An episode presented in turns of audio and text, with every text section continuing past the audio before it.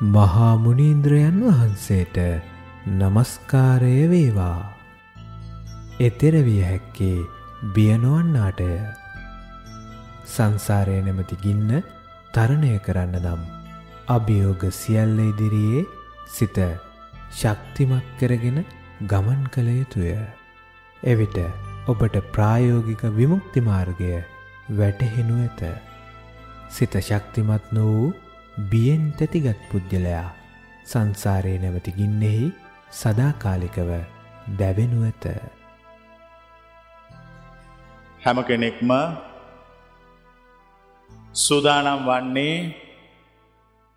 පුරපසලොස්සක පෝය දවසේ මේ හැම දෙනාගෙම ආධ්‍යාත්මීය බලාපොරොත්තුවක් මුදුම් පත් කර ගැනීම පිණිස ආධ්‍යාත්මීය බලාපොරොත්තුව මස්තක ප්‍රාප්ත කර ගැනීම පිණිස අවශ්‍ය කරන දහම අවශ්‍ය කරන විමුක්ති මාර්ගය ශ්‍රෝණය කරන්න. ලෝකෙ හැමදාම ධර්මය පවතින. මේ මනුස්සලෝක පාලනය කරන්න බැහැ ධර්මයක් නැතුව.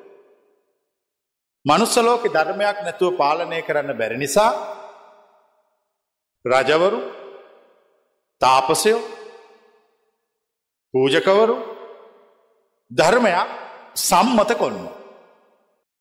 ඒ සම්මත කරපු ධර්මයට එගොලොම මනුස්සලෝක පාලනය කරගෙන රාජ්‍ය කරගෙන පූජක වෘතියෙන් ඉටු කරගෙන පුද පූජා පවත්වගෙන ජීවත් වෙන. හැබැයි ලෝකෙට කාලෙකට සැරයක් සත්‍ය පහළවන. ධර්මය පහළවන. යුක්තිය පහළවන. අර සම්මත කරපු ධර්මයයි ඒ පහළ වෙච්ච විමුක්ති මාර්ගයයි දෙකක්. සත්‍ය අරගෙන ජියමාන වෙන උතුමා අර සම්මත කරපු ධර්මය පරයන සම්මත කරපු ධර්මයට වඩා යමක් අවබෝධ කළ කෙනෙක්. ඒ අවබෝධය මුහුකුරවාගෙන ඒ උතුමා විමුක්ති මාර්ගය දේශනා කොන්න. මිනිස්සුන්ගේ සසරදුක නිවන්නේ විමුක්ති මාර්ගය මිසක් ධර්මය නෙවේ. මිනිස්සු නිවනට පත් කරන්නේ විමුක්ති මාර්ගය මිසක් ධර්මය නෙවෙයි. මිනිස්සු අජරාමර ශාන්තියට නිවනට යොමු කරවන්නේ විමුක්ති මාර්ගය මිසක් ධර්මය නෙවෙයි. ඒ වනාට මිනිස්සු විමුක්ති මාර්ගය නෙවේ සොයන්නේ ධර්මය. හැමෝම ධර්මය කටපාඩංකෝ. හැමෝම ධර්මය පිළිබඳ මහා පලල් දැනුමක් හදාගන්න. ඒ පලල් දැනුම තුළොවුන් ජීවත් වෙන. ඔවුන් සමාජය වරප්‍රසාද බුක්තිවිඳීමට තමුන් ධර්මය දන්න බව කියනවා. ඒ ධර්මය පාලනයට අවශ්‍ය නිසා පාලකයෝ පූජකයෝ ඒ ධර්මය දන්නයට ගෞරෝ කොන්නවා. හැබැයි ඒකෙන් සිද්ධ වෙන්නේ එකම එක දෙයයි. ධර්මය දන්න මිනිස්සු වරප්‍රසාද බුක්ති විඳගෙන අනිත් අයගේ ගෞරව පුද පූජා ලබාගෙන ජීවත් වෙනවා කවුරුවත් සසර දුක නිවන්නේ නෑ. ලෝකෙට පහළ වෙන සසර දුක නෙමීමේ මාර්ගයයි අපි මේ දේශනා කරන්න. ඒ සසර දුක නිවීමේ මාර්ගයයි සත්‍ය අවබෝධ කළ උතුමෙක් අවබෝධ කොට ඇත්තේ. සත්‍ය අවබෝධ කළ උතුමෙක් ධර්මය නෙවේ අවබෝධ කරන. විමුක්ති මාර්ගය අවබෝධ කරන. රාත් බවට පත්වෙච්ච බුදු බවට පත්වෙච්ච පසේ බුදු බවට පත්වෙච්ච උත්තමයෝ විමුක්ති මාර්ගය දන්න. උනාන්සෙලා දන්න ධර්මය එකයි. විමුක්ති මාර්ගය දන්න. හැබැයි පස්කම් සැප විඳමින් මේ ලෝක යහපත් කියල දකින මිනිස්සු සුන්දරයි කියලා ඉතන් එන්න මිනිස්සු අර විමුක්ති මාර්ගය දන්න. එතකොට කෙනෙක් මනුෂ්‍ය ලෝකෙට සත්‍යයේ පණිවිඩය අරගෙන ජියවමාන වෙන. ඔහු මෙ මනුස්ස ලෝකෙට එන්නේ මනුෂ වර්ගයා ගැලවීම සඳහා. මනුෂ වර්ගයා සූපත් කිරීම සඳහා. කෙනෙක් හිතෙන පුළුවන් මනුස්වර්ගයා ගැලවීම සඳහා. මනුස්වර්ගයා සෝපත් කිරීම සඳහා. උන්වහන්සේ පැමිණෙන්නේ මිනිස්සුගේ තුවාලවලට බෙහෙද්දාන නෙමේ. උන්වහන්ස පැමිණෙන්නේ ඔලුව කැක්කුමට මිනිස්සුන්ට පැන්ඩෝල් දෙන්නත් නෙමේ. උන්වහන්සේ පැමිණෙන්නේ සසර දුක නිවන්න. උන්වහන්සේ සැබෑවටම ප්‍රඥාවන්තයන් වෙනුවෙන් මනුෂ්‍යලෝකයේ පහළ වන ප්‍රඥාවන්තයන්ගේ නායකයා.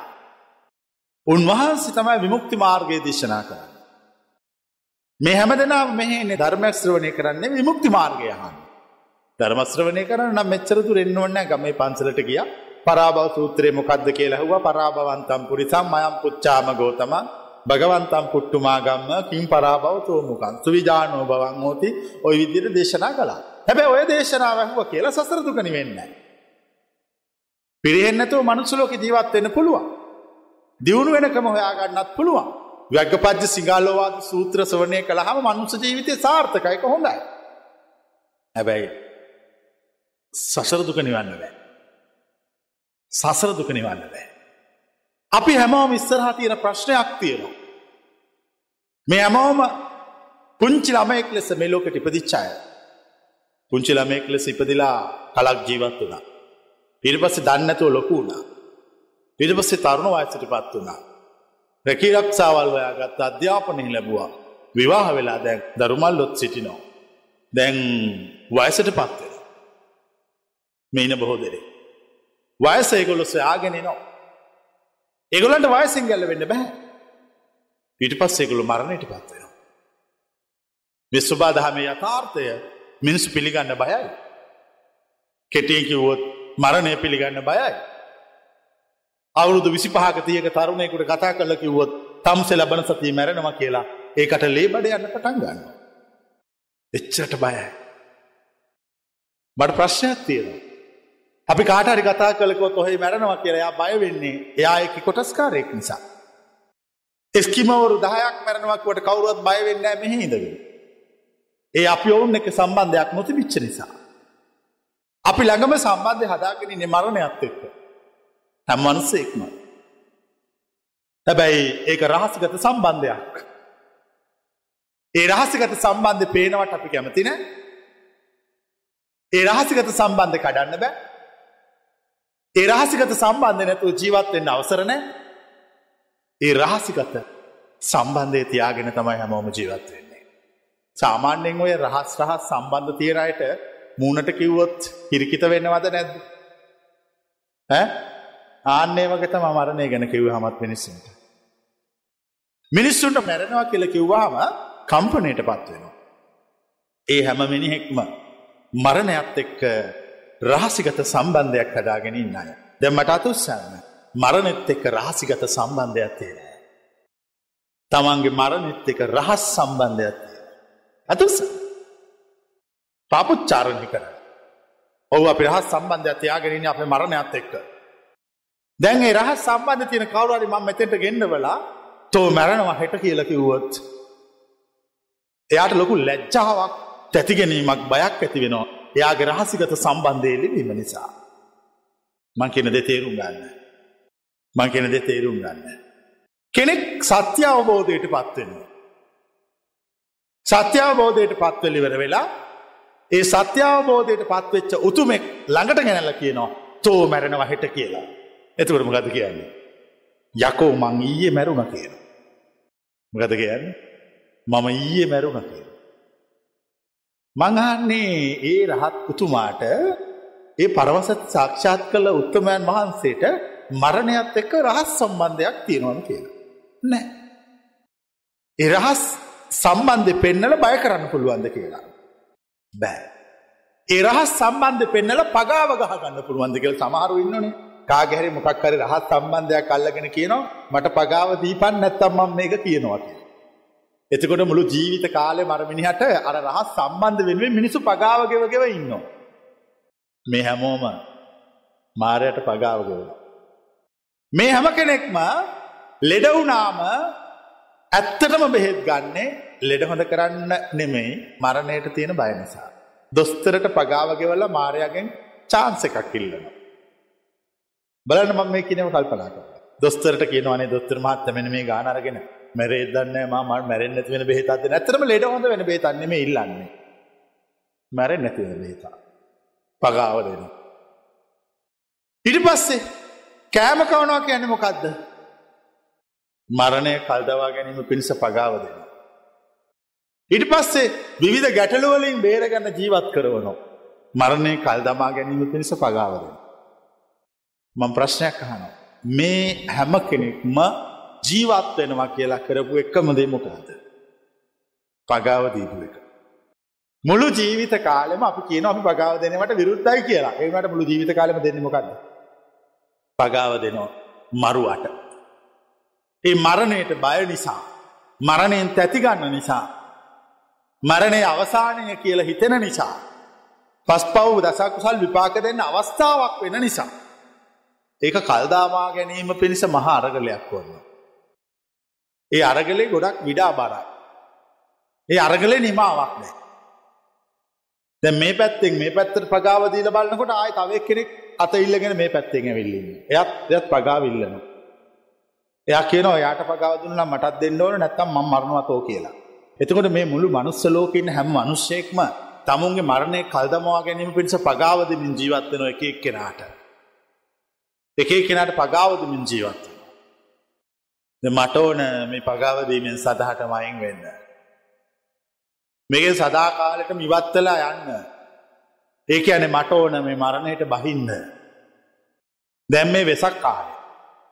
හොල්මංගුහා තියෙනවා. කෝබලන්න හොල්මංගුවා බලන්න යනවා. ඔන්න අපි කවුරරි කෙනෙක් කොල්මංගුවාවක් ළඟට එක් කියන. එකගෙන කියලා දොරළඟට ගිල කිරෝ මේ දැම් මෙතනින් තම ඔල්මංගුවා පටන්ගන්න. මංආන්නේ කැමැත්තෙන් දකමැත්තෙන්ද යන්න. බයිඥාන්. එනට යන්න ආසද නැද්ද. ආශයි. මරණයත් ඒ වගේ. මිනිස්සු පොල්මංගුහාාවකට යන්න ආසාවගේ බය වගේ මිනිස්සු මරණයට බහින්නත් මරණය තුළ ගමන් කරන්නත් කැමති. දැන්ඔන්න අපි අර හොල්මංගුවාට මිනිහෙක් ඇතුල් කරන්න කලින් අපි යාට ටිකට් ගන්නකන් අර දොරටුවලඟ ටිකක් කළ තියල තියෙනනේ එතකොට එයාගේ මූුණ දිහා බැලුවාම මූුණ පේන්නේ බයත්ද තැතිගැන්මත්ද තේජසද්ද. ඔගොල්ලන්ට පේන එක කියන්න. මේ හොල්මංගවාව දැන් දොරට හල තියන යාත ටිකට් ගේනකං තෙන්ට කලෙන තයාගේ මූුණ පේනෙමොකක්ද. බයක් බය මිස්ස තැති ගැන්මක්. ඉට පස අපි අර ගේට්ටු ඇරලා දොර ඇරලා අර හොල්මංගුහා ඇතුලට දානවා දැම්ම උන තියෙනෙමොකක්ද. තේජසක්. ඇයි ඇයි දැම් බැහැලිවරයකට. ඒ බය තියෙන්නේ නොදකින තාක් පමණයි. ඒවගේ මනුස්සෙක් මරණයට බයවෙන්නේ මරණ අත්දැකීම නොලැබූතාක් පමණයි. දෙම්ම ප්‍රශ්නයක් කෙනෙක් රහත් බවට පත් වනානම් ඒ රහත් බවට පත්වෙච්ච උතුමගේ මූුණ පවතින්න ඕන ඔය තුනෙන් මොකක්ද. තේජසක් පවතින්න ඕන. ඒ තේජසක් පවතින්නේ උත්තමය මරණය තුළ ගමන් කරන නිසා. ද මේගේ මූුණු බැලුවහම පේනෙ මහ බයාදු හැඟීමක්. මහ බයාදු මුණු තියෙන්නේ. අර යටත් විජිත යුගේ මුණු තියෙන්නේ. අර පාරාව රජ්ජුරුවන්ගේ සේවකයන්ගේ මුණු තියෙන්නේ. පාරාව මහා අධිරාජ්‍යයට සේවය කරන මිනිස්සු මහ බයාද අත්සරණ වෙච්ච මිනිස්සු. ඉංග්‍රීසි පෘතුගීසි ලංකාව පාලනය කොන්නකට ලංකාවට සිංහල මිනිස්සුත් මෙන මේ වගේ. ඒ ඉංග්‍රීසි ආර්ඩු කාරයට ජෝජ් මහරජ්ජුරුවන් වහන්සට ඔන්න නොයිදිර භක්තිවන්තව කටයුතු කලා. ඒ කියන්න ඔවුන්ට ආත්ම ශක්තියක් ජවයක් විශ්වාසයක් තිබුණ නැහැ ඔවුන්ගේ ජීවිත පිළිබඳව. ඔවු මරණ බංජීවත් වනා. දැම මේ මරණ බයතුල විඩාව අපි දකින්න ඕන විඩාව අපට තේරෙන්න්න ඕන එක තේරෙන නොහැම ඔටම. වැඩක් කරන්නගේ හම හැම වැඩකම තියෙනවා අවිනිශ්චිත භාවයක්. ඒ ඇත්‍ර මොකක් නිසාද අවිනිශ්චිත භාව පවතින මරණය නිසා. මැරේවි කියල බයක් තියන්නේ. කවුරට කෙනෙක්ෙන් මරණ බය නැති කොන්නවා. ඒ මරණ බයි නැතිකරපු උතුම හරියට මද කිපිච්ච ඇතෙක් වගේ.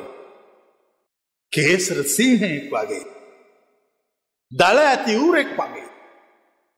වනන්තරයේ සිරින තනි දිවියෙක් වගේ.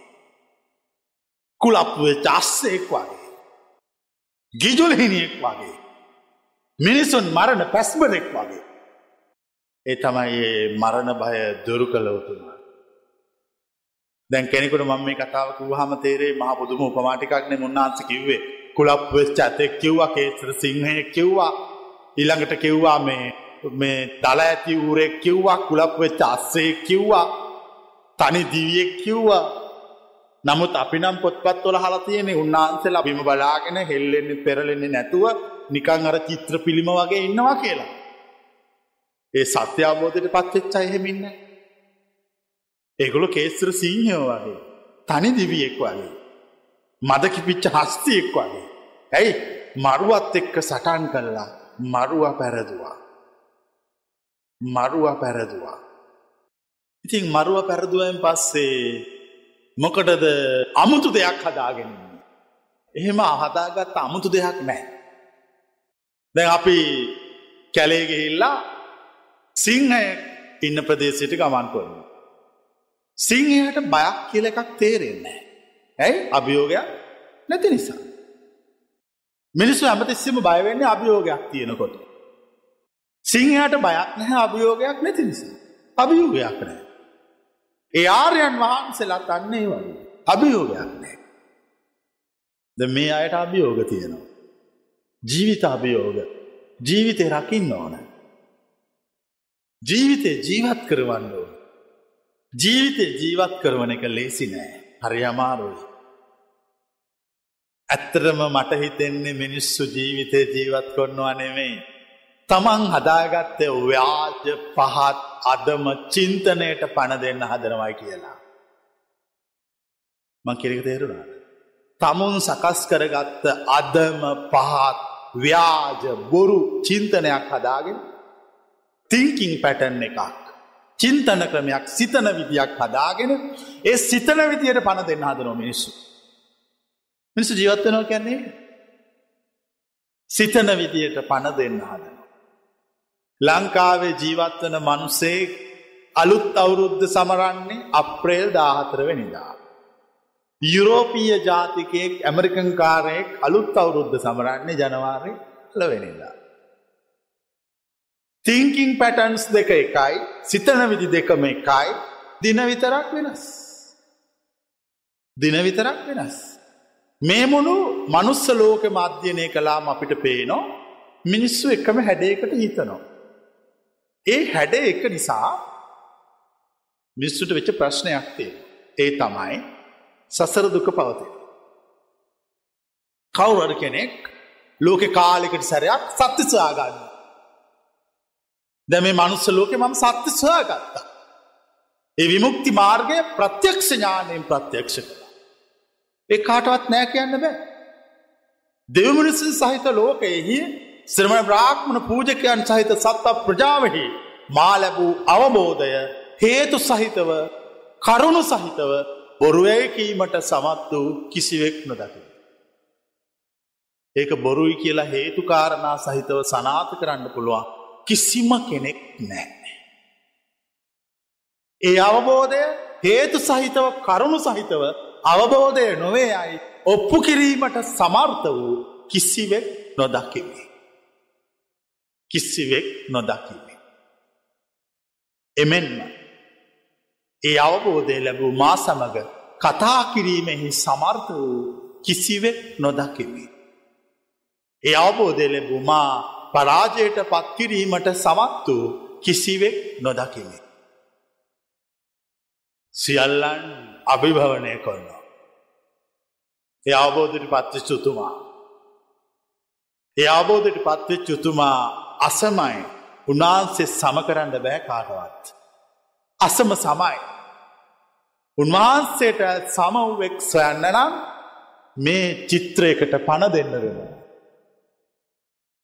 මේ විහාරි තියෙන රූපොලට පණ දෙන්න ඕන. රූපොලට පණදීලාවාම එන්න මෙන මේ වගේ කෙනෙක්. ඒ දෙදෙනා සමයි. එච්චරයි. ඒ දෙදෙනා සමයි. ඒ අවබෝධයට පත්්ච චුතුමා දිපදෝත්තමයි. දෙපා ඇත්ත වුන් අතර ශ්‍රේෂ්ඨයි. දෙපා ඇත්ත වුන් අතර ශ්‍රේෂ්ඨයි. ගමන් කරන්න වුන් අතර අග්‍රයි. මිනිස්සු හැමදාම ජීවිතය ගමන් කළේ තමන්ගේ කුසගින්න වෙනුවෙන්. මිනිස්සු ගමන් කළේ තමන්ගේ අවශ්‍යතාව වෙනුවෙන් ඒත් ඒ අවබෝධයට පත් උතුමා අනුන් වෙනුවෙන් ඇවිදිනවා. අනුන් වෙනුවෙන් දහඩිය සලනවා. අනුන් වෙනුවෙන් ජීවත් වෙනවා. එච්චරයි. එක තමයි අවබෝධය. ඒ අවබෝධය අවබෝධය නොවේ කියන කාටවත් බැහැ. කිසිම දෙවි කෙනෙකුටවත් සක්‍රයටව බ්‍රහ්මයටව ඒ අවබෝධය නොයි කියන්න බැහැ. හේතු කරුණුකාරණා සහිතව සනාත කළ නොහැක. කළ හැකි එකමදේ අවබෝධය කුමක්දෑ කියා ගවේශණය කොට ඔබලාගේ සසරදුක නිවා ගැනීම පමණි. මුහදේ වතුර මනින්න කිව්වොත් අභියෝග බාරගන්න. අහසේ තරු ගනින්න කිව්වොත් බාරගන්න. අවකාශයේ ධාරිතාව මනින්න කිව්වොත් බාරගන්න. මහපොළවේ ගල් කියද කියලා ගණන් කරන්න කිව්වොත් බාරගන්න. මාත් එක්ක තර්ක කරන එක බාරගන්න නැතුව. වාද කරන එක බාරගන්න නැතුව. ඒ අභියෝගයට අභියෝග කිරීම බාරගන්න නැතුව. එයයි සත්‍ය පහළ වේම. අවුරුදු දෙදස් පන්සීයකට සැරයක් ඒ සත්‍ය ජියෝමාන වෙනවා. ඒ ජියෝමාන වෙන උතුමා ජියෝමාන වෙන්නේ අමුතු විදියකට. ඒ උතුමට මුළු සමාජයම හිංසා කොන්න එක තමයි පලවෙනි පියවර. ඒ හිංසා කන්නකොට නිහඬ වෙනවා. උන්වහන්සේ ගැලවුම් කරුවාණන් වහන්සේ බව සමාජයට කියා පානවා. හිංසා කොන්නකොට නිහඬ වෙන්න ගැලවුම් කාරයා. ගැලවුම් කරුව පහළ වෙලා. හැබැයි උන්වහන්සේ ගැලවුම් කරුවා වෙන්නේ ප්‍රඥාවන්තයන්ට. උන්වහන්සේ ගැලවුම් කරුවා වෙන්නේ විමුක්තිය සොයන්නන්ට. උන්වහන්සේ ගැලවුම් කරවානන් වෙන්නේ සමාජ අසාධාරණයට හා අයුක්තියට එරෙහිව නැගී සිටින්නන්ට පමණයි. ආත්මාර්ථය පූර්ණත්වයට පත් කරවීමට ආත්මාර්ථය සොයා යන්න උන්ට ස්ව මත දරන්න උන්ට මමත්වයෙන් පෝෂණය වූ සිත් සතන් ඇත්තන්ට උන්වහන්සේ පාපිස්ටේක් මිසක් ගැලවුම්කරුවෙක් නොවන්නේය. මා ගැලුම්කරුවාණන් වහන්සේ වන්නේ ප්‍රඥාවන්තයන්ට පමණේ. මා විමුක්තිදායකයාණන් වහන්සේ වන්නේ සසරදුක නිවීමට අවංක හදවතක් ඇති මිනිසුන්ට පමණේ.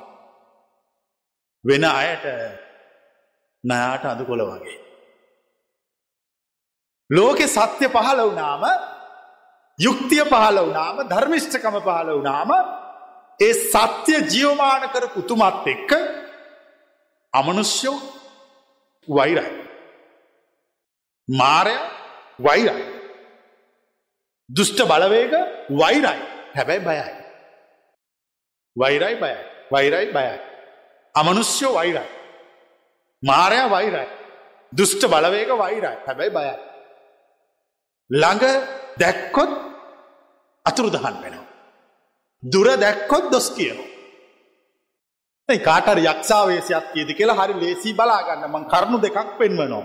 ඒ කරුණු දෙක තමයි කවුරුවඩ කෙනෙක් මං මූනට දැක්කොත් කතානොකර බයවෙලා අතුරුදහන් වෙන. එයාට යක්ෂ දෝෂයක් අමනුස්ස දෝෂයක් පවතිනවා. දුරදි දැක්කොත් බැන බැනදුවනවා. ඔච්චර එලකුණු දෙක. ඔච්චර ලකුණු දෙක.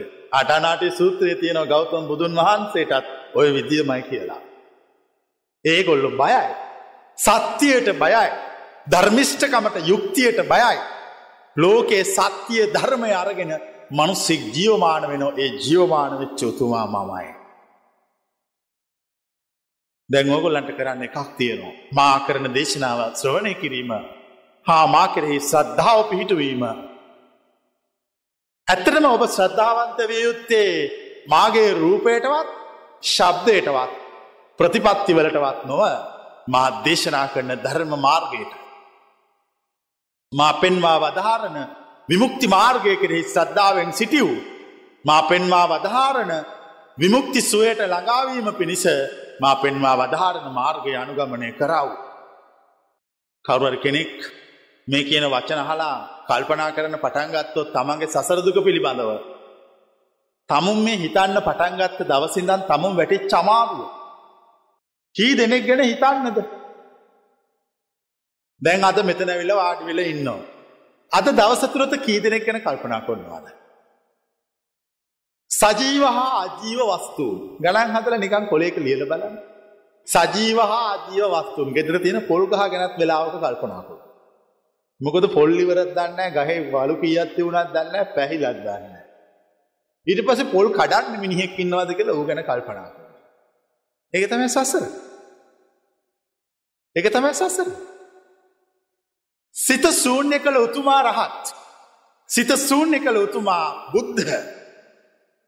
ඒ සිත සූන්‍ය කළ උතුමාට පොල්ලක් කර ලක්ෂයක් තිබුණත් චින්තනයක් නෑ.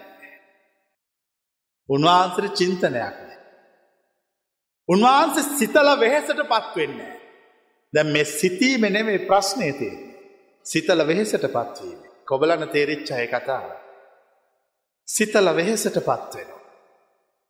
මිනිස්සු කාමය නිසා වෙහෙසට පත්වෙන.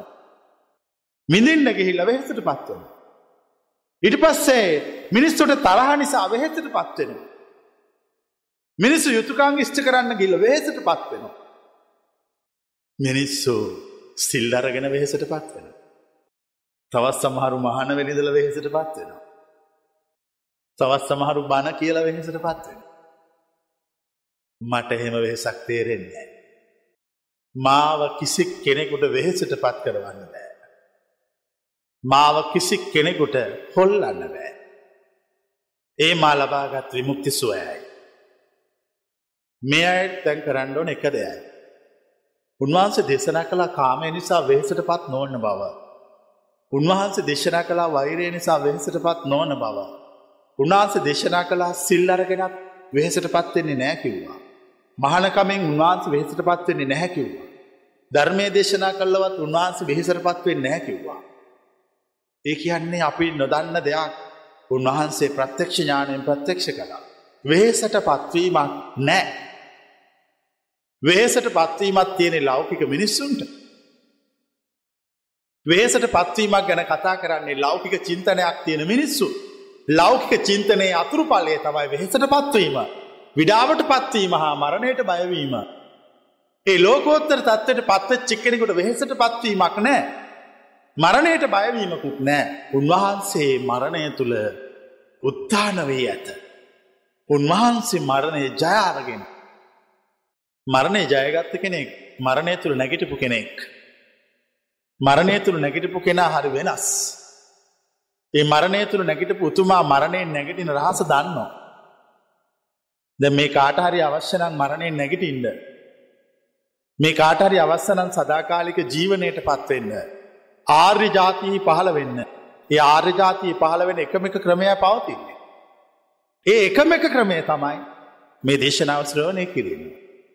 කෙනෙකුට මෙහෙම ඉතින්න පුළුවන් ඔන්න කවුරට මේ දේශනාව හනවා. ති හැමම බණහනවන හැමෝගෙම තවත් කෙනෙක් මේ දේශනාව කොන්න. එතකොට එයා කියනවා මුන්නාස කියන එකම ඒ කියන්නෙත්. ලෝකයේ විමුක්තිමාර්ගය පරිපූර්ණ වසයෙන් දන්නවාන යමෙක් ඒමා පමණයි. ඒ විමුක්තිමාර්ගය මුලත් මැදත් අගත් යමෙක් පරිපූර්ණ වසයෙන් ප්‍රත්‍යක්ෂ කළේද ඒ මා පමණයි. දේශනාව දේශනා කරන්න පුළුවන්. විමුක්තිමාර්ගයේ අවසානය දේශනා කරන්න බෑ කාටවත්. ලෝක එකවර අවසානය දන්න දෙන්නෙක් පහල කරන්න එක්කෙනෙක් පහලකො. දැන් අවුරුදුස්සව කාලෙ තිබුණනේ කනාමුට්ටි බිඳින්න ගියානේ. හරිම කනාමුට්ටිය බිඳින්න අවස්ථාව හම්බුණේ කාටද. බිඳල ඉවර වෙනකං ඒක හරි කියල දන්නවාද. නෑ. ඊළඟට ඒ හරි කනාමුට්ටිය අස්සේ තිබුණ ඔක්කොම මොනවාද?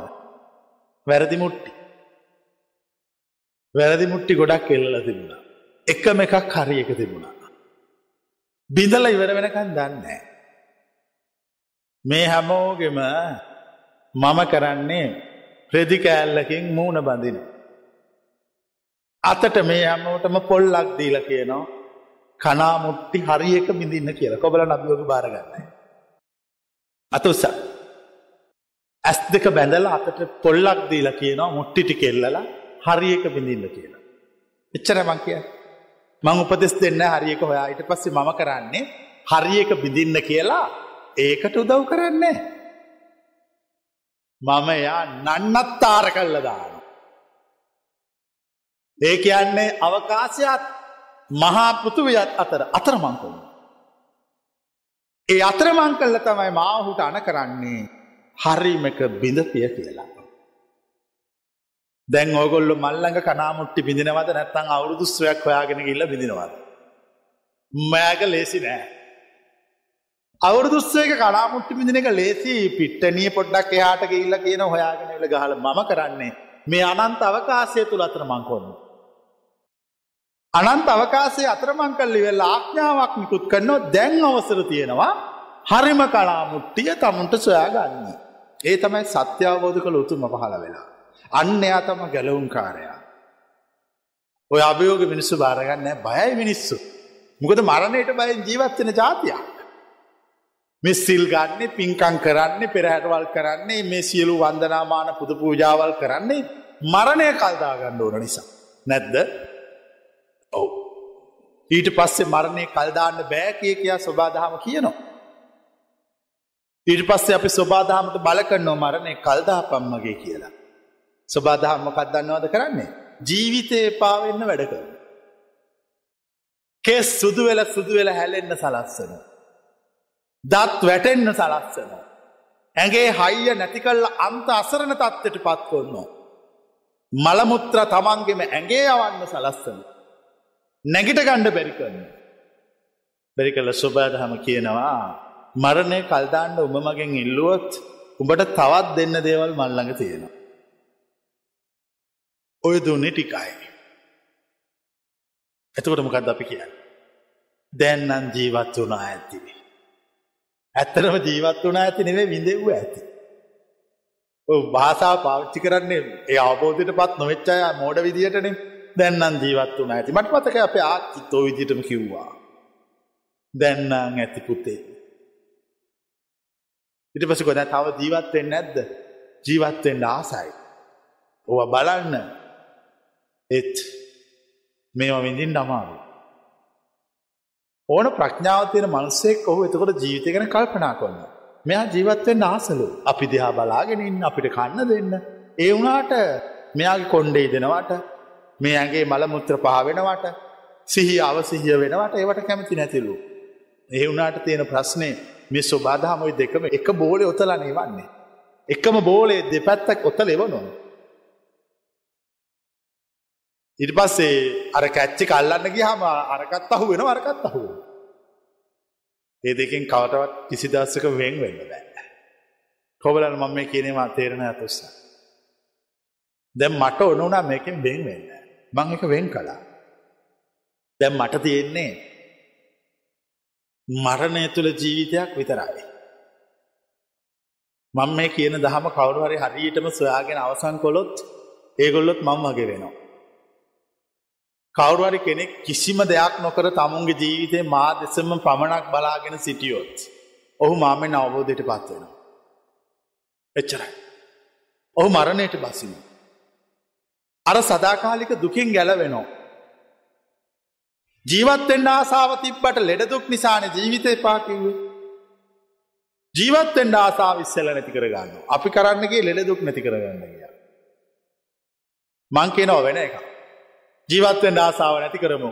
ජීවත්වෙන් ආසාාව නැති කරන්න කියලා හදවතට හිතට කිව්වාම හිත කියනවා ජීවත්වෙන් ආසාාව නැති කරන්න එපා. ලෙඩදුක් විතරක් ඇති කරගන්න. කොබලන්න ඒක කියන අයතුස්ස. තමුගේ හිත කිය නොහෙ. ඒ සිත අනුසෝතගාමී.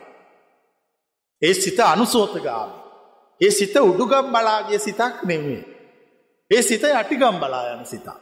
ලෙඩදුක් නැති කරගෙන සුවදායි ජීවිතයක් සොයන්න කියලා. කෙනෙක් මෙහෙම කල්පනාකු. ලෙඩදුක් නැති කරගන්න නරකයි. සෝදාය ජීවිතයක් සොයන්නත් නරකයි. මරණය සොයන්න පටන්ගන්න. එතකොට අර අනුසෝතගාමි චින්තනය ඔබට කතා කොන්න. එතොරකින ඒම හිතන්න එපා. කවුරුවත් එහෙම හිතන්නේ. හැමෝම හිතන්න ලෙඩදුක් නැතිකරගෙන සුවදායි ජීවිතයක්. ඇයි ඔබ සුවදායි ජීවිතයක් වන්නතුව මරණය හොයන්න පටන් ගත්තේ.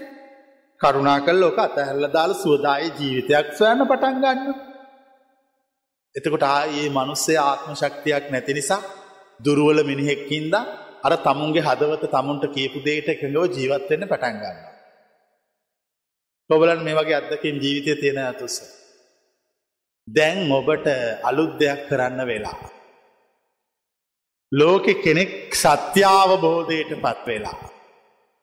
පරම සත්‍ය සාක්ෂාත් කරලා. ඒ පරම සත්‍ය සාක්ෂාත් කරපු උතුමා ලෝකයේ මරණය පිළිබඳ යම් රහසක් පවතිනවනම් ඒ රහස් අවබෝධ කළා.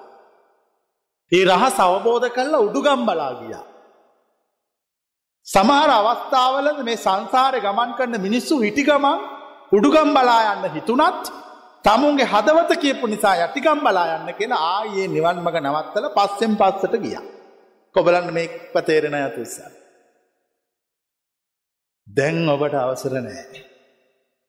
දැම් මං උඩුගම් බලා යනෝ.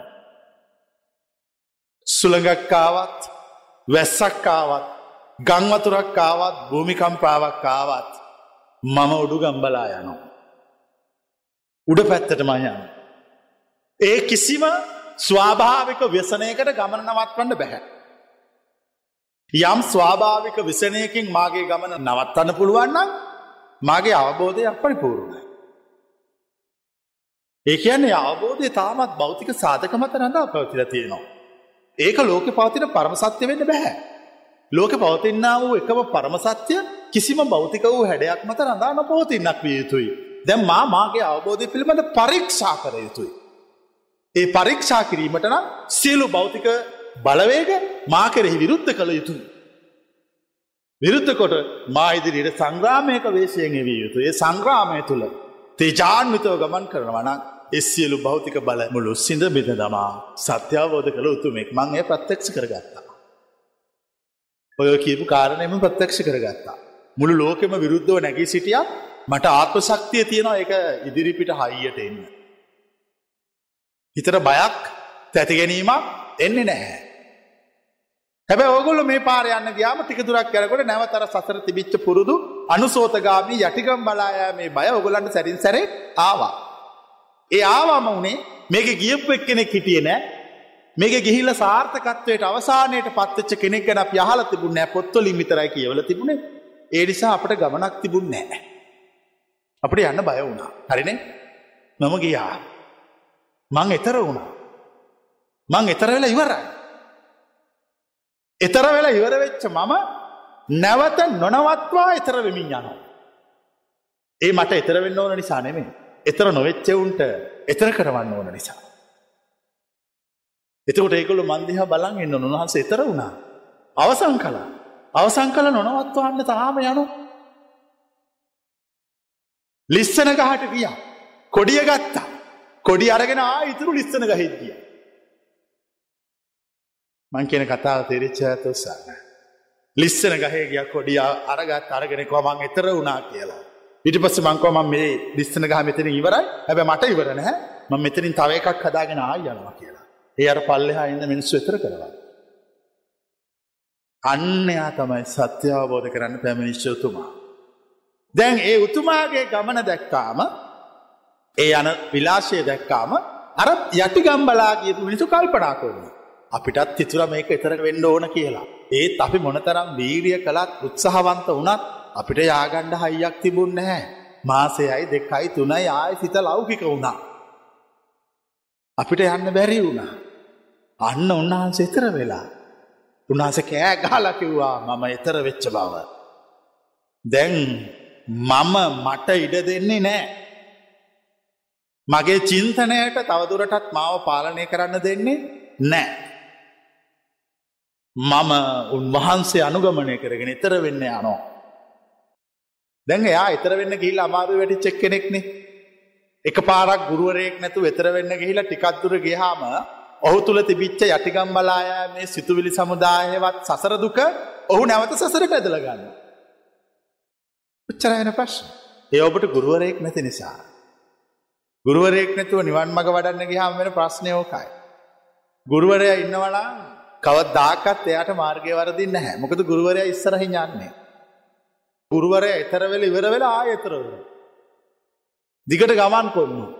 එතකොට අනුගාමිකයෝ ශ්‍රාවකය ඔහු පසු පසේනෝ. ඔහු පසු පස් එනකොට ඔවුන්ගේ චින්තනය ඔවුන්ට කියනවා එතරවෙන්න එපා. තවටිකක් ඉන්න. එතකොට බැලූගමන් කියනවා බෑ ඉන්ඩ වෙලාවක්න අර ගිහිල්ල ඉවරයි හොඳටම. ඉක්මනට මම යන්න ඕන. නැත්තම් මට බනීවී. එතකොට යාළඟ තිබිච්ච චින්තනය මැරෙනවා. දැම ප්‍රශ්යකා. ස්වචින්තනය යමෙක් මරාගත්තේද. ස්වචින්තනය යමෙක් ශූන්‍ය කරගත්තේද. ඔහු කවුරු නමින් අඳුන්වායිද. ඔහු රාතකි. ඒ චින්තනය මරාගත් මිනිසා රහත් බවට පත් වුණා. චින්තනය මරාගත් මිනිසා රහත් බවට පත් වුණා. ඒ චින්තනය මරාගත් මිනිස රහත් බවට පත් වනාම ඒ උත්තමය හරි වෙනස්. යාගේ ඇතුළේ මුකුත් නෑ. චින්තනයක් නෑ. ඒ උතුමට අනාගතයක් නෑ. සිත අනාගතයට දෙයන්න. දැන් මම මේ කාගෙන් හරි ගෙන්න්න ලහනෝ තමසට සිවුරු කීයක් තියෙනවද පාවිච්චි කරන්න කියලා. කොබලන් උත්තර දෙන කැමති අතුස. අතුස. අපි කැමති මේ ඔක්කොගේ මහන ඔගොලන සිවරු කියත් ඇති කියලාන්න චර්ට් කියත් ඇති කියල ඔගොල්ලන් හ තමුසට සිවරු කියක් තියෙනවද පාවිච්චි කරන්න. අතු සනොත්තර දෙන කැමති අය. හොඳයි උත්තරයක් දෙන්න. එකයි. උත්තරයක් දෙන්න. තියෙනවා ගානත් දන්න තියෙනවා. හැම්මක් කෙනෙකුටම තියෙන්නේ එකයි. දසක් මාධ්‍යවේදයෙක් මගින් ඇවිල්ලා ඔබහන්තර සිවුරු කියත්වෙන මක්වත් දැනට අන්දනෙකුයි සිවුරකුයි. දැ මම ඔන්න බලන වර්ධන විදි. අර අල්මරිය තියෙන ගාන ගණන් කල තියර එතකොට ඒ අල්මරිය තියෙන ගාන නෙවේ මං එනකොට තිවිච්ච ගාන. මං කෙරපු තේරෙනවන මං එනකොට තිවිච්ච ගාන. මං මෙතන වෙලා වාඩි වෙලා හිටිය මම දන්න දැන් හොරු ඇවිල්ල සිවුරුගෙන හිල්ලද කියලා. මම කිව්වොත් මෙච්චර තියේ කියලා මං මෝඩයි. නමුත් මිනිස්සුන්ට මේ වගේ හිතන්න ප්‍රඥාවක් නෑ. මගේ සිත අතීතයේ ලැගුම් ගෙන නැහැ. මගේ සිත පවතින්නේ සදාකාලික වර්තමානයක. දැන් වලන්න ඔය විදියට සිතන මට අනාගතයක් ගැන හිතේවි කියල හිතන අතුස්ස. මට හෙම හිතෙන්නේ. ඒ ඇන්නේ මගේ චින්තනය හවස. දැ මං මගේ වෙන්න කැමතිය අතුස්ස. ඔන්න ඕක තමයි රහත් බව. චින්තනය අවසන්. චින්තනය ඉවරයි. චින්තනය ඉවරයි. ඒක මුලසුන් වෙලා කියලා අපි කියන්න. දමපද මෙසේ සඳහන් වෙනවා. යථාපි මූලේ අනුපද්දවේ දල්හේ චින්නෝපි රුක්කේ පුනරේවරූහති.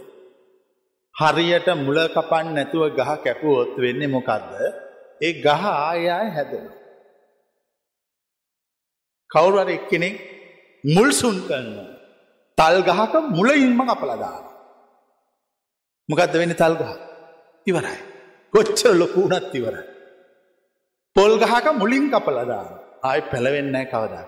මං අන්න සිතයේ තත්වට පත් කළ. මල් සිතේ තත්වට පත් කළ බව ඔබට කලින් උපමාවකින් පැහැදිලි කළ. ප්‍රශ්නයක් කාල උත්තරයක් දීන. මේ හිතන විදිර කාටර හිතනවන හැබැයි හිතෙන්නේ විදියට. ඒ වුණාට වැඩ කරන්නකොට හිට වඩා වෙනස් විදිිය. ඒ වැඩ කරන්නකොට වැඩ කරන්නේ සාමාන්‍ය ලෝක මිනිස්සු හිතන විදියට මං කෙනෙක තේරෙනවාද දැම් මන්තාවටිකකින් පිණුසිගාවඩිනවා. කරය මගින් ඇවිලානෝ දැන් ඔබහන්ස කියටද වඩින්නේ. එතුකට මං කියන්න වෙලාවක් කියන්න බෑ වඩිනලාට බලා ගනින් කියලා. මං ඒ මුත්තර දෙන්නේ. මං දන්න එතකට මෙතන වැඩ පිළිවෙලත්තිය නොන මෙයාමගේ ප්‍රශ්නයක් අහනොය යහන මෙයාට මේකට සූදානම් වෙන කාලයක් ඉල්ලලා. දැම්මම් මගේ අතිපණ්ඩිත උත්තරටික පොඩ්ඩක් පැත්තකට තියලා දර්ශනය පොඩ්ඩක් පැත්තකින් තියලා සාමාන්‍ය ලෞකික ලෝක මිනිහෙක් හිතන විදියට හිතල උත්තර දෙන්න ඕන. මම කොච්චර සියවුම් අවබෝධකට පත් වනත් මට බැරිනං මිනිහෙක් දිහා බැලුව මේ මිනිහගේ හිත ගැන තේරුම් ගන්න අසරණකම ගැන තේරුම් ගන්න උද්දච්චකම ගැන තේරුම් ගන්න අනාත භාවය ගැන අවබෝධ කරගන්න මගේ අවබෝධයෙන් වැඩක් නැහැ. ඒ අවබෝධය හරිගිය යාවගේ ප්‍රඥාවන්තයන්ට ඒත් මගේ අවබෝධය හරි යන්නේ කිසිම ප්‍රඥාවක් නැති අනාත අසරණ වෙච්ච දුකට පත්වෙච්ච මිනිසුන්ට සහනයදීම සඳහා. එච්චර මගේ අවබෝධය පවති. හොඳ ලොකු ප්‍රඥාවන්තයට නිවන් දකින හැටි මම කියන්නේ. මම කියන්නංකෝ ජීවිතය එපා වෙලා බෙල්ලෙ වලල ගන්න යන මිනිස්සුන්ට.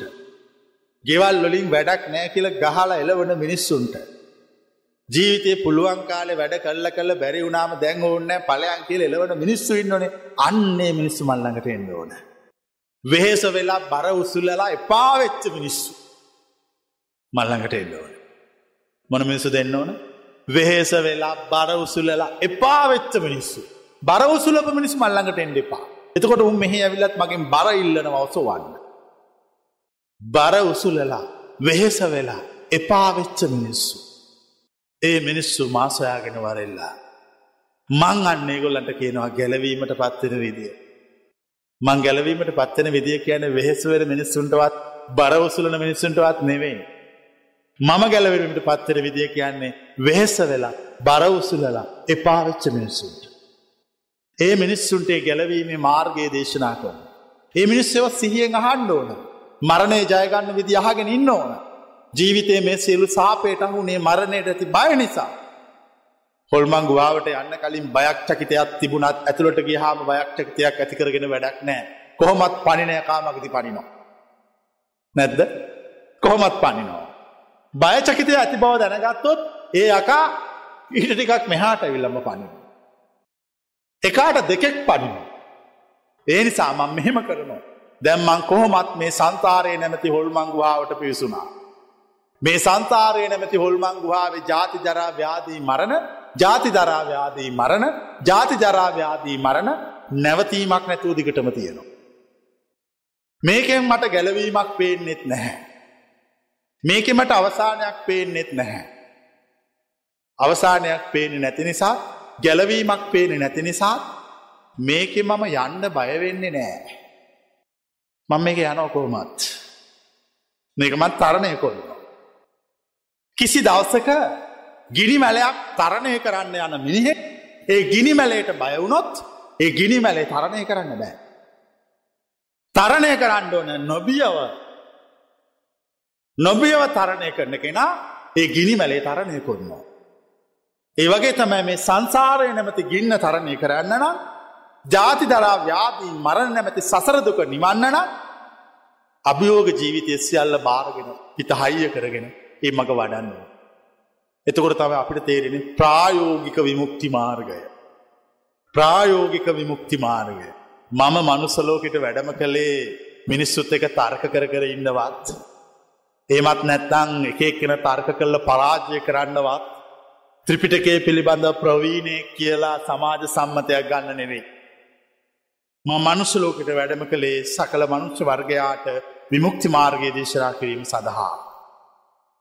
නමුත් ඒ විමුක්ති මාර්ගය දේශනා කරාම මම මේ මනුසලෝකට වැඩම කරාම ඒ විමුක්ති මාර්ගය මිනිස්සුන්ට නොතේරණ නිසා ඔවුන් මගේ දැනුම විවිධාකාරයෙන් පරීක්ෂා කොන්න. ඒ පරීක්ෂා කරන්න එන්නේ කවුද ඔවුන් සියල්ලෝම පරාජය කිරීමේ ආත්ම ශක්තියත් විශ්වඥානයක් මා සතුවම. ඒ විශ්වඥානයෙන් ඔවුන් පරාජයට පත්වන්න. ඒම නැතුව මමාවේ එකේ කෙන පරද්ද පරද්ද වෙන්න නෙවෙයි. සසරදුක නිවන්න කැමති මිනිස්සුන්ට පාරකයාදේද. ජීවිතය ගැලවීම සොයන මිනිස්සුන්ට ගැලවීමට පත්තර විදිය උගන්නන්න. ජීවිතයේ යහපත උගන්නන්න. ධර්මිෂ්ඨකම උගන්නන්න. අසාධාරණයට ලක්වෙච්ච මිනිස්සුන්ට ඒ සියලු අසාධාරණකං වලට සාධාරණය ඉෂ්ට කරන්න. කෙනෙක් අහන පුළුවන් ඔබහන්සේ කොහොමද මේ මනුසලෝක අසාධාරණයට ලක්වුවන්ට සාධාරණ ඉෂ්ට කරන්න. ඒ අසාධාරණයට ලක්වූ සියල්ලෝම අල්ලලා නිර්වාණ ධාතුවට විසි කරනවා. මන්දන්න සාධාරණයක එහෙම නැතුව මං උසාවි ගිහිල්ල සාධාරණය ගන්න කියලා කියන්න එතකොට ඒකට ඉවරුනහම තව ඒකට යන්න. ත මේක ඉවරයක් මම එවුන් සියල්ලෝ මල්ලල මිටියක් බැඳල විශ්වයට විසි කල්ලලාම. ඒක තමයි මම දන්න සාධාරණත්වය ඔවු නජරාමර සදාකාලික පූජනීය අනුත්තර තත්වට පත්වන. ආවුනෙය පාවුනෙය දක්කිනෙය අංජලී කරණය තත්ත්වයට මනුෂ්‍යවර්ගයා පත්කොන්න. මට ඒකට පේටන් බලපත්‍ර දීලේ වලතිී. මොක කරනද ආහුනේය පාහුනේය දක්කිනේය අංජලී කරණය තත්වයට මනුසුවර්ගයා පත් කොන්න. ඒකට පේටන් බලපත්‍රය සුදුසුකම් සපුරලතයෙන්. ඒ සුදුසුකමතව විමුක්ති මාර්ගය දැනගන්න ඕන. ධර්මය දන්න ඕන කෙනෙකුට කරන්න පුළුවන් හොඳ හොඳ ඥානය තියෙන පෘතුල බුද්ධියක් තියෙන සමාජත්දකින් බහුල අපි කියන කටපාඩන් කරන්න පුළුවන් කියලා. කටපාඩක් කියන කෙනෙකුට ත්‍රිපිටකේ මොක්කොම පාඩන් කරගෙන තර්ක වාදගේන පුළුවන්. ඒත් නිවන් දකින්න බෑ. විමුක්තිමා දවසක් ගෞතම බුදුහාමුදුරුවට ළඟට භික්‍ෂූන් දෙනෙක් ආවා. එ දෙන්න එකට මහන වුණේ. එක්කෙනෙ ගිල්ලා ත්‍රිපිටකේ හොඳට කටපාඩන් කරලා ඉගෙන ගත්තා. එයා අත්තාර්ක කරන්න වාද කරන්න හරි දක්ෂයක්. අනිත් එක්කෙනෙකුව මටුව වැඩක් නෑ මන් සසර දුකනිවට විමුක්ති මාර්ගය ඉගෙන ගන්නවා කියලා රහතුන් ඇසුරු කරගෙන ඒ භික්ෂුව විමුක්ති මාර්ගය හොයලා ඒක තුළ ගිහිල්ලා එයා සසර දුක නිවා ගත්තා. හැබැයි එයා ධර්මය දන්නේ නැහැ. විමුක්ති මාර්ගය දන්නවා. දැන් අර පෝටිල කියන භික්ෂුව කල්පනා කළා ධර්මදර මෙයා කිසි දෙයක් ඉගෙන ගත්තේ නෑ මං මෙයා පරද්දනවා කිය. දවස බුදු හාමුදුරුව හම්බෙන දෙන්න ගිහාම මෙයා කල්පනා කළා මා බුදුන් නිස්සරහා මේ ත්‍රිපිටක ධාරයේ භික්ෂුව පරද්දනවා. දෙන්න දෙපැත්ත වාඩිවෙලින්න ගෞතම් බුදු හාමුදුරුව ත්‍රිපිටකේ ගැන ප්‍රශ්න ඇහුව ත්‍රිපිටක ධාරයේ භික්ෂුවගෙන්. අනිත් භික්ෂුවගේවා මෙයා දන්නේ කිව්වේ. විමුක්ති මාර්ගය පිළිබඳ ප්‍රශ්න ඇහුවා. සෝතාපන්න වෙන්නේ කොහොමද? සකෘදාගාම වෙන්නේ කොහොම අර ත්‍රිපිටක ධාරී භික්ෂුව මුනිවත රැක්කා. අර භික්ෂුව උත්තර දුන්නා බුදු හාමුදුරුවර ත්‍රිපිටික ධාරී භික්ෂුවට හොඳටම බැන්න. තුච්ච පෝටිලය කියලා බැන්න. තුච්ච කියන්නේ ම පහත් මිනිහ කියන එක. ත්‍රිපිටකේ ඔක්කෝමිගෙන ගෙනවෙල්ල උපාතිය හම්බ වුණ. මොකද දීප උපාතිය තුච්ච පෝටිලයා. තුච්ච මිනිහා. පහත් මිනිහා. කළ යුතු දේ නෙවෙයි නොකළ යුත්ත කල්ලා. කිසිවක් නොදන්නා විමුක්ති මාර්ගය අවබෝධ කළ මේ භික්ෂුව කළ යුත්ත කල්ලා. මේ තුච්ච පෝටිලයා ජීවත් වෙන්න රස්සාාවක් හොයාගෙන. ඒ හොයාගත්ත රස්සාාව තමයි ඔක්කොම ධර්ම කටපාඩන් කරගෙන ඉගෙනගෙන රහත් බවට ගිය නැහැ ඒව කිය කියා මිනිස්සු එකතු කළා. ලාබ ලෝභ වෙනුවේ පිටි පැකට් වෙනුවේ සබං කෑලි වෙනුවේ. ඒත් මේ භික්ෂුව සියල්ල අතහැර සියල්ල කෙරෙහි නිරපේක්ෂකව විමුක්ති මාර්ගයට අනුගතව ජීවත් වුණා. ඔහු රහත් වුණ. මේ කතා වැැව්වාම කෙනෙකුට හිතේ අමුතු කතාන මේවා බනින්න ඕන කාට හොඳ කියනෝ හොඳ කියන්න ඕන කාට බනිනෝ. ඒ තමයි බුදුවරු. ඒගොල තමයි බුදුවරු කිය ඒගොල සම්ප්‍රදායික නෑ. ඒගොලු කවරුවත් අපි ගැන මුරුන් ගත්ත තියෙනවා කියන මන්නන් කවරුවත් මුරුන් ගත්ත තියන්නේ මුරුන්ගත්තේ තියන්නේ අනිත් අතේ පියකුත් තියාගෙන. ඒමකොටද අත්ති තියලා අත්ත කපනවා. ඒක තමයි මම තියෙන. මම මිනිස්සුන්ට සත්‍ය කියන කෙනෙක්. මං මිනිස්සු බොරුවෙන් මුලාවට රවටන කෙනෙක් නෙමෙයි. මංගතොට මිනිස්සුන්ට ඇත්ත කියනවා. මුරුන්ගත්තට නැක්ගහම අත්තමුරුන්ග කියලා දන්නත්තන් අත්තකපල පෙන්න්නනවා අත්තමුරුන්ග කියලා හැබැයිතකට කොන්ද කැඩිලා. මං කෙනව තේරෙනවාද අරක මුරුංග කියල දන්නකොට මිනිහැ කොඳ කැඩිලා. එක තමයි මානව චින්තනයේ පවතින දුරුවලතා. ඒ දුරුවලතා තියෙන මානව චින්තනය රහත් බවට පත්වීමෙන් තමයි පරිපූර්ණ වන්නේ. ඇත්තටම පරිපූර්ණ වෙනවා කියල කියන චින්තනයක් නැති වෙන එක. චින්තනයක් නැති තැන තමයි පරිපූර්ණ. යම් තැනක අඩුවක් තිබුණොත් සෙල්ලෙනවා. දැන් කලේක වතුර අඩුවනොත්මකක්ද වෙන් හෙල්ලෙනවා. ඉට පස්ස අපි කල්පනා කරනවා මේ කලේ කොච්චර වතුර පෙරවත් වැඩන්නෑන මේක හෙල්ල නෝන මේ කලේ වතුර හෙල්ලෙන් නැති තත්වට පත් කරන්න මොකක්ද අපි කර කලේ සම්පූර්ණම පුරෝනෝ දැම්මම් ප්‍රශ්නයක් අහන කලේ සම්පූර්ණ වතුර පිරිලා හෙල්ලෙන්නේ නෑ කෙනෙක් ඕයක දිහා ලංගින් ඉඳල කියනවා මේක හිස් කලයක් කියලා. එම කියන්න පුළුවන්ද බැරිද? පුළුවන් හෙල්ලෙන් සද්‍යයක් එන්නේ කෙනෙක් කියනවා හෙම කියන්න එපා හිස් කලයක් කියලා. එක වතුර පිරිලා තියෙන්න්නත් පුළුව දෙන්නෙත් දෙකක් කියනවා. මංගහන්න හරි මොකක්ද කියලා. හිස් කලය. එක හිස් කලය. එතුරගෙනම එක මාර උත්තරයක්නේ. ඔහු එක හිස් කලයක්. හෙල්ලෙන්නේ. රහතකුත් ඒ වගේ. රහතකුත් ඒ වගේ. හැබැ එතකොට එදන්න කම්මත කොනවා හිස් කලයක් තම වෙන්න ඇති එහෙනම් ගිහිල්ල බලමු බලනකොට කියනවා කටටම පිරිලක්. එතුර මං එලියෙන් ඉදන් කියන ඕ හිස් කලයක් හිස් නිසා තමයි කටටම පිරිල තියෙන කිය. මං කෙනව තේරෙනවාද. අන්නේ අන්නේ කලේ වගේ වෙන්න අන්නේ කලේ වගේ වෙන්න. සම්පූර්ණ පුරවලි වෙල්ල හිස් වෙලා යන්න සම්පූර්ණ පුරවලි වෙරලා හිස් වෙලා යන්න එයා තමයි රහතා.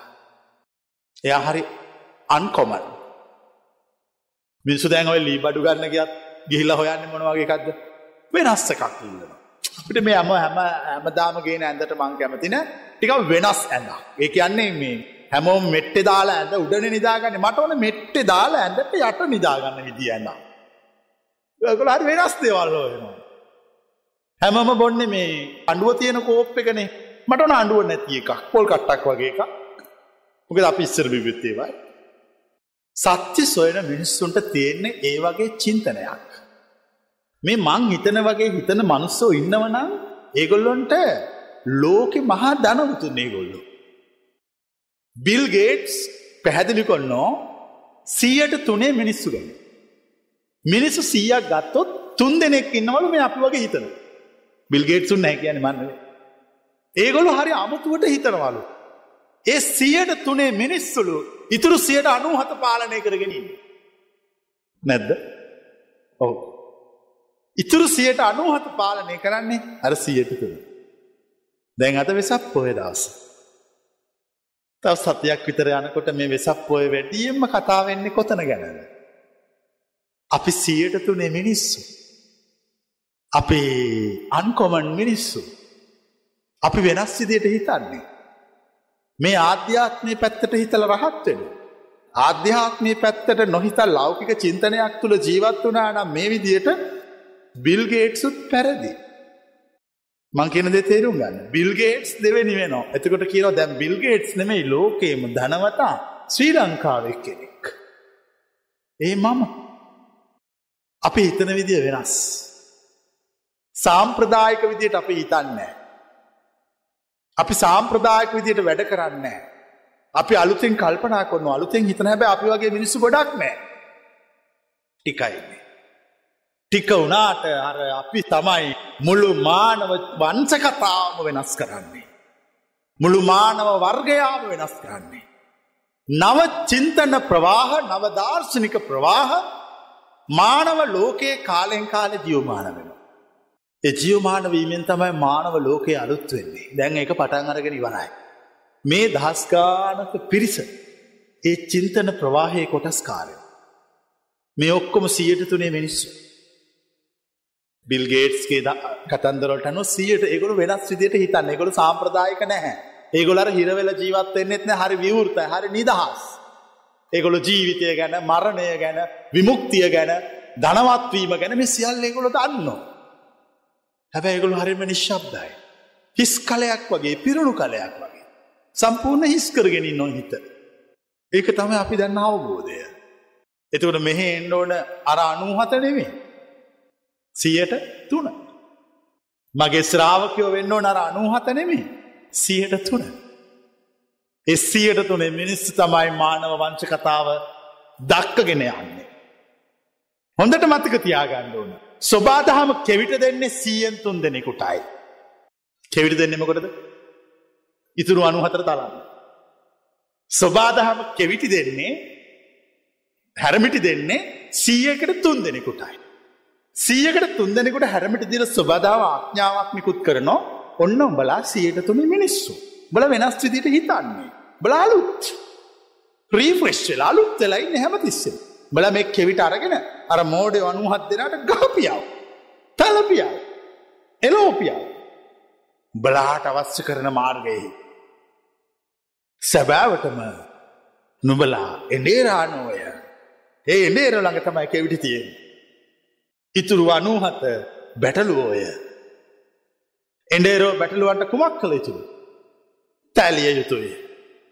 කස පාර ගැසිය යුතුයි. පාරවරද්දන හැම විටකම. ඔහු තමයි යහපත් එඩේරා.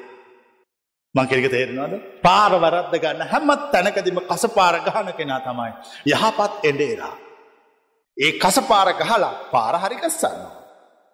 පාර හරිගස්සන්න කලින් ඔබ මේ මා දේශනා කරන දහම චින්තනය පිළිබඳ පූර්ණත්වයට පත්වෙන්නෝ. පිරුණු කලේ දියනො සැලේ. මං එකට කියනවා හිස් කලේ කිය.